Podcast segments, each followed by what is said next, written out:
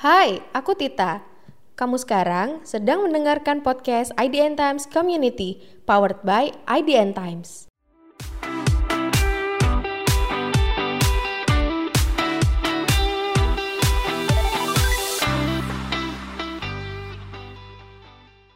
Di podcast kita kali ini, kita akan ditemani oleh Kak Febri.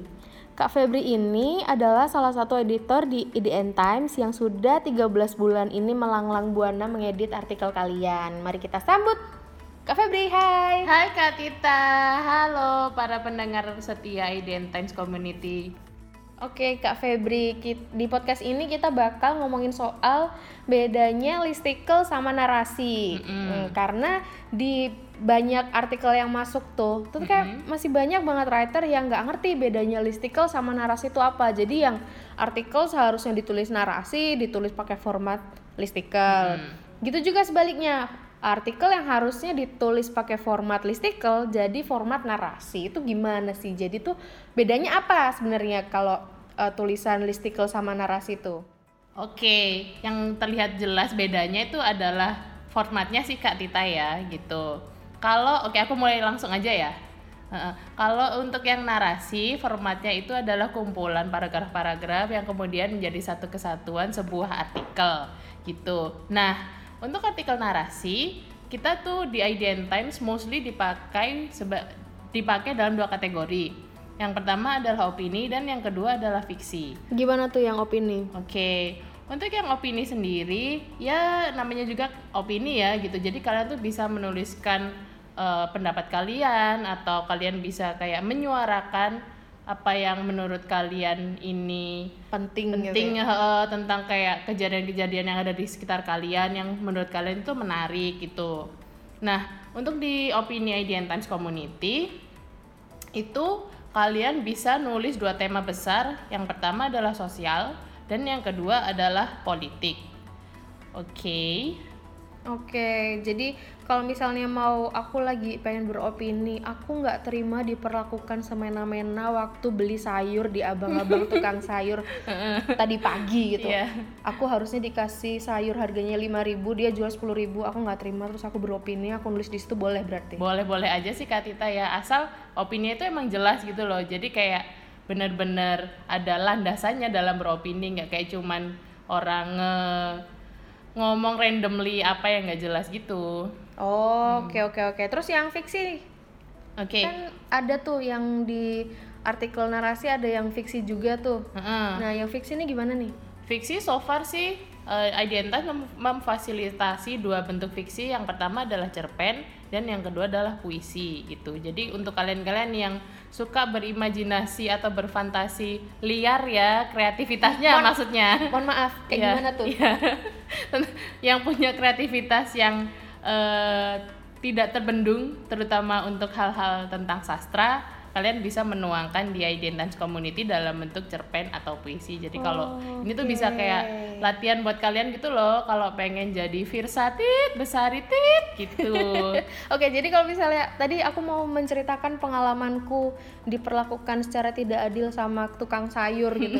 aku bisa tuh bikin cerpen. Bisa, bisa. Jadi mencurahkan kayak, semua kegalauanmu tentang ketidakadilan di dunia ini iya, bisa. dalam bentuk cerpen bukan opini. Mm -hmm. hmm, oke oke. Kalau berarti itu dijadiin puisi juga bisa ya? Bisa juga gitu. Oh, oke okay, oke. Okay. Berarti uh, jadi uh, narasi itu ada dua buat opini sama fiksi. Yeah. Yang opini itu berarti tadi soal ya opini apa pun yang kamu pikirkan itu kan berarti opini. Uh, uh, uh, itu di situ. Uh, dan ini kita tuh kalau untuk opini uh, maksimal 600 kata ya guys ya gitu. Jadi ini sih tujuannya supaya kalian tuh uh, bisa berpikir secara runtut menggunakan kalimat yang efektif namun tetap jelas gitu. Jadi nggak kayak muter-muter ke mana ke mana ke mana gitu. Biar tulisannya efektif dan jelas tuh kerangkanya kayak gimana sih?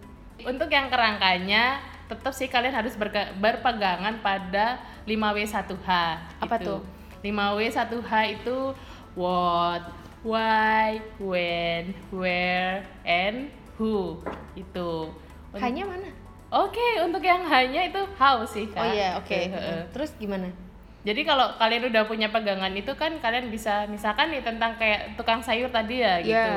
Hunya, hu uh, itu. Aku sama tukang sayur. Uh, terus uh, what-nya apa nih perlakuan tidak adil dari tukang sayurnya Bener. gitu when-nya kapan kejadian Tadi pagi tersebut. jam Heeh. 6. terus where di di gerobak sayurnya Heeh. di gerobak sayur tukang Oke. sayurnya terus apa lagi tadi yang terakhir itu yang belum disebutin itu eh, when? Why? Why? Why? Why gitu? Kenapa aku diperlakukan tidak adil? Kenapa sayurnya mahal gitu loh? Heeh. mungkin kalian bisa kayak oh mungkin sayurnya mahal karena jalur distribusinya waktu itu sedang tersendat gitu. Oh jadi atau mungkin kayak tipis stoknya. Heeh, eh, ini perubahan musim yang bikin kayak sayurnya nggak bisa tumbuh dengan subur jadi kayak harganya dimahalin sayur gitu. apa ya yang nggak bisa tumbuh subur di Indonesia? Eh, sayur kol kak ya untuk yang terakhir how? Nah ini kayak kalian tuh nggak asal kayak cuman beropini aja nih. Maksudnya kayak nggak asal kayak oke aku sebel bla bla bla bla bla bla bla bla gitu. Nah kalian kayak bisa how-nya oke bagaimana nih caranya supaya aku nggak dimarahin lagi sama tukang sayur itu? Atau aku nggak merasa kayak sedih karena dimarahin tukang sayur itu? Gitu. Jadi kayak ya kalian bisa uh, bisa dari kayak tadi menilik ya penyebabnya apa segala macam oke kalian jadi kayak bisa mikir gitu haunya kayak eh how-nya how apa sih buat opini ya? Mm-mm. bagaimana ya bagaimana resolusi dari permasalahan ini? Apa yang akan aku lakukan untuk em, menyelesaikan permasalahan perbedaan harga yang terlampau panjang dan tinggi ini ya? Benar sekali gitu. Itu kan kalau udah punya itu jadi kayak nggak panjang-panjang banget gitu loh opini kalian. Jadi udah tahu akhirnya mau diapain. Ya betul sekali. Oke terus kita ke fiksi Mm-mm. fiksi yang tadi ya cerpen sama ini puisi Mm-mm. karena cerpen itu dan puisi adalah based on your imagination gitu ya IDN Time sih terbuka terbuka aja ya dalam berbagai macam bentuk Hmm. eh, imajinasi dan fantasi gitu asal sih tidak eh, ini menyinggung tentang sara dan juga pornografi dan segala macam bentuk kekerasan lainnya Oke. Berarti kalau cerpen yang penting ada konfliknya kan ya biar enak bacanya apa. Konfliknya tadi soal eh, tukang sayur yang pilih kasih sama tetangga-tetangga lainnya. Terus kalau cerpen eh apa sih tadi puisi ya? Mm-mm, puisi. Iya, puisi berarti nanti misalnya oh tukang sayur kenapa Mm-mm. dunia ini begitu tidak, tidak adil adil padaku gitu Kak Oke. Tita Oke, next. Sekarang tadi kan udah ngomongin soal narasi. Narasi. Kita ngomongin listicle nih. Ini nih yang paling banyak yang salah. Ah, Kenapa sebenarnya kenapa sih ada apa dengan listicle ini kok banyak banget yang nggak ngerti? Tolong berikan kami penjelasan Kak Febri. Oke, sejauh yang aku tahu format listicles ini memang kayak bentuk baru ya dalam dunia kepenulisan ya. Oh ya? Heeh, heeh. Hmm, Kan kita eh, kalau koran konvensional ya kalian tahu bentukannya seperti itu kan narasi gitu. Kalau untuk listicles emang mostly itu dipakai di media, online. heeh. Benar-benar. Terus gimana tuh? Karena ini adalah format yang baru, suka banyak eh, community writer yang bingung kan gitu. Hmm. Yang listicle sih eh, yang bisa kalian lihat secara jelasnya itu ya dari formatnya gitu. Jadi kayak yang bagian atas atau pertama adalah subjudul, kemudian diikuti dengan gambar ilustrasi dan yang terakhir adalah paragraf deskriptif. Seperti itu Kak Tita. Oke, kalau misalnya listicle itu terdiri dari sub judul sub judul sub poin gitu, Mm-mm. listicle yang ideal dan nggak terlalu panjang tapi juga nggak terlalu pendek untuk dibaca jadi kayak pas gitu loh buat dibaca sekali duduk gitu Hmm. Panjangnya berapa poin sih idealnya listicle Mm. Kalau untuk di Times kita panjangnya minimal adalah 5 poin ya. Itu untuk semua kategori gitu. Jadi kayak kategori terutama untuk artikel yang feature sifatnya. Jadi feature tuh kayak gimana kayak eh, artikel feature tuh artikel yang timeless. Jadi kamu tuh bisa baca kapan pun tanpa kayak merasa oh ini udah basi gitu. Hmm, evergreen gitu ya Nah, jadi kayak artikel tentang eh, travel, tentang food, tentang teknologi atau tentang science. Nah, itu kalian bisa menuliskan dalam bentuk 5 poin. Lalu untuk yang kalian-kalian yang suka kayak nulis eh, artikel hype gitu dan kan mostly juga kayak kumpulan foto. Nah, itu panjangnya adalah 10 poin gitu. Ken- Kenapa sih 10 poin gitu ya? Biar ini aja biar lebih lengkap gitu loh. Nggak jadi kayak gak cuman kumpulan foto terus kayak ada caption yang pendek pendek pendek pendek gitu. Itu kayak bagi kita sih kurang informatif aja ya gitu kak Tita bosenin nggak sih Mm-mm, ngebosenin kering gitulah ya artikelnya tuh Hmm, Oke, terus juga yang subjudul ini gimana sih? Maksudnya kan ada tuh aku pernah beberapa kali ketemu orang yang nulis subjudulnya tuh terlalu panjang, juga terlalu pendek. Itu sebenarnya penulisan subjudul yang ideal tuh berapa kalimat sih atau berapa kata atau gimana gitu? Mm-mm. Untuk yang artikel eh, bukan hype, jadi subjudulnya itu kalian bisa bikin yang eh, mungkin ya maksimal lima kalimat lah gitu. Kalau untuk yang hype, eh, kalian bisa kayak bikin eh, dua kalimat gitu. Terus kalau kalian ngerasa bahwa subjudul dua kalimat itu masih kurang, kalian bisa bikin paragraf deskriptifnya di bawah yang lebih menjelaskan tentang gambar tersebut gitu Kak Tita. Dan untuk subjudul sendiri diperlakukan seperti kalimat biasa ya Kak Tita. Maksudnya tuh kayak eh, huruf kapitalnya tuh hanya ada di awal kata aja gitu. Berarti di huruf eh ya di huruf paling pertama dari kalimat tersebut ya. Mhm. Berarti kayak kalimat biasa. Mm-mm. Oke, dan eh, kalau itu udah eh, kalian ya maksudnya kayak kalimat biasa ada huruf kapital di awalnya, namun untuk subjudul tidak ada titik ya gitu. Oh, berarti kayak kalimat biasa cuman bedanya nggak pakai titik. Mm-mm. Oke. Terus em, apalagi nih yang perlu kita tahu soal listicle Kak Febri? Oke, listicle setelah subjudul yang jelas harus ada gambar ilustrasinya nih Kak Tita gitu. Gambar ilustrasi ini ya untuk menarik artikel kalian aja gitu. Jadi kan enak tuh kalau baca artikel ada banyak gambarnya gitu loh Kak Tita. Iya. Oh iya, kalau misalnya ngomongin soal upload gambar, kalian bisa simak podcast kita sebelumnya. Itu ada tutorial cara milih gambar yang bener kayak gimana, cara ngupload gambar yang bener kayak gimana. Bahkan cara nulis sumber gambar pun kita udah kasih. Jadi kalian nggak usah bingung, nggak usah nggak usah panik gimana cara nulisnya. Jangan jangan sedih karena kita ada ada tutorialnya lengkap di podcast kita sebelumnya. Jadi tinggal scroll scroll balik aja. Ada di episode sebelumnya. Jadi kalian bisa lihat aja. Iya. Untuk secara garis besarnya sih uh, ukuran gambar yang dipakai di IDN Times itu adalah 850 kali 350 pixels gitu. Jadi biar gambarnya itu saat diupload itu nggak blur atau pecah gitu loh Kak Tita. Dan kan uh, untuk kalian yang misalkan bingung nih cari ilustrasi gambarnya tuh di mana Kak gitu. Kalian tuh bisa pakai yang di free license aja gitu loh biar nanti nggak ada masalah tentang copyright gitu loh Kak Tita gitu. Hmm, biar nggak ada yang ngeklaim itu gambar aku kenapa diupload seenaknya kamu nggak minta izin dulu Hmm, hmm, hmm. Kayak situs-situs free license tuh udah banyak, misalkan kayak Pexels, Pixabay atau Unsplash. oh iya ngomongin soal gambar dan copyright nih Mm-mm.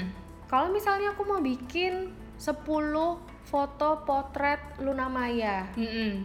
Mm-mm. apa yang Kenapa harus aku lakukan Maya misalnya kalau meminta izin Kak Luna Maya aku pengen bikin artikel soal Kak Luna Maya yang lagi di misalnya liburan ke SeaWorld gitu Oke. ya kan kalau misalnya nge-DM nggak mungkin tuh dibales Ya, betul sekali karena Luna Maya adalah seorang artis. sibuk pasti Iya, ya dia nggak ya. kenal kita siapa kan jadi ya mana mau bales Mm-mm, itu benar gimana Gak apa-apa sih, kalian izin-izin aja gitu. Jadi kalian tulis, halo Kak Luna, perkenalkan nama kalian siapa. Lalu eh, Kak Luna minta izin nih mau pakai foto-fotonya di Instagram buat artikel yang mau aku tulis di IDN Times Community gitu.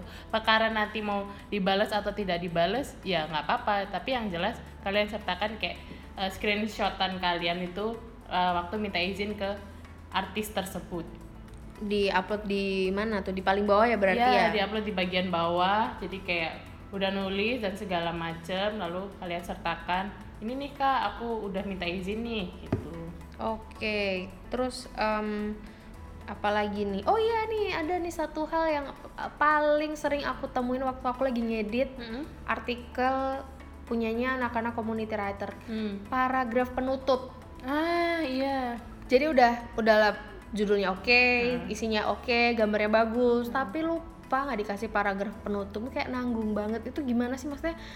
em, paragraf penutup artikel yang ideal dan oke itu kayak gimana? Ah, paragraf penutup artikel tuh penting banget ya guys ya itu kayak selebrasi yang cantik setelah kalian mencetak gol gitu loh gitu jadi harus ada kayak tendangan yang mm, gitu orang uh, habis baca tuh oh aku dapat poinnya nih gitu dari artikel ini gitu. aku harus nge-share nih ya uh, mostly sih kita menyarankan untuk paragraf penutup itu kalian bisa menuliskan tentang kesimpulan dari apa yang sudah kalian tulis itu jadi biar pembaca bisa mengingat-ingat kembali hmm. apa yang sudah mereka baca sebelumnya di apa artikel atas atasnya benar sekali gitu. Kalau misalkan uh, kesimpulan udah kalian gunakan kalian juga bisa menggunakan kayak oke okay, penegasan artikel gitu. Jadi kayak misalkan uh, 10 potret keindahan Danau Toba gitu. Nah kalian kayak penegasannya wah emang beneran kece nih Danau Toba gitu.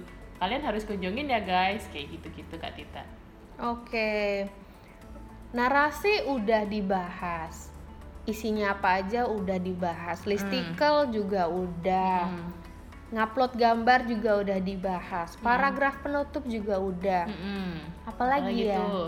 uh, gini deh karena masih banyak tuh beberapa writer yang sedih hmm. udah nulis udahlah nulis panjang-panjang susah hmm. payah hmm. tapi kok nggak dipublish publish hmm. itu kasih tahu lagi dong kayak gimana sih caranya mm-hmm. biar tulisan kita tuh bisa konsisten tidak musiman gitu loh. Mm. Jadi kadang bagus, kadang enggak. Jadi biar bisa off gitu ya Kak Tita iya, ya. jadi biar uh, konstan gitu loh bagusnya. Itu apa yang harus kita lakukan agar supaya Oke, aku sih concern yang pertama supaya artikel kamu cepat dilirik oleh editor adalah gunakan judul yang memang sesuai format yang kita sarankan gitu loh. Karena kan uh, artikel yang masuk di IDN Times itu tiap hari itu ada ribuan ya Kak Tita ya. Gitu. Anjay. Gitu. Uh, uh.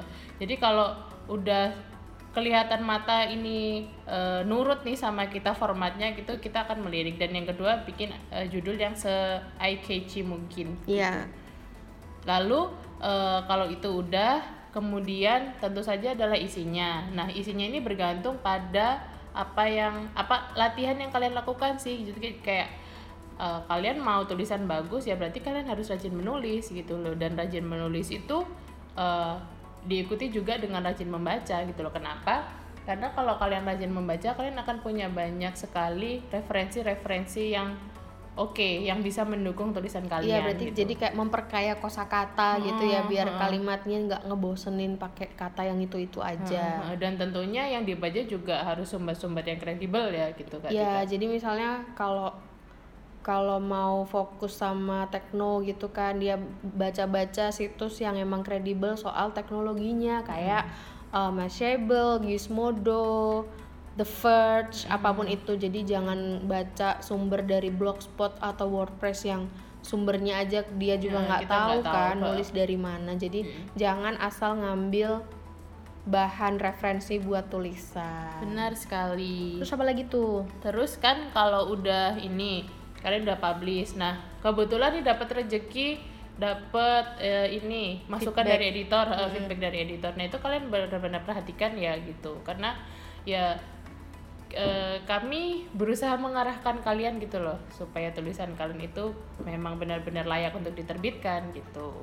Jadi apa pun yang dikasih editor sebagai bahan apa namanya revisi mm-hmm. misalnya artikelnya direvisi mm-hmm. dengerin masukan dari editor mm-hmm. misalnya editornya bilang artikel kamu harus dibikin kayak gini gini gini kalian cobalah mengikuti saran dari editor agar artikel kalian nanti bisa diterbitin mm-hmm. help me to help you gitu loh guys saling membantu benar sekali terus Lalu, apa lagi uh, ini kalau yang masih bingung terus mau nanya ke siapa nih? Gitu. Kalau mau nanya langsung ke editornya itu kayak juga ribet. Nah di Ident Times Community ada fitur namanya live chat gitu. Jadi kalian bisa langsung aja tanya di situ ke miminnya.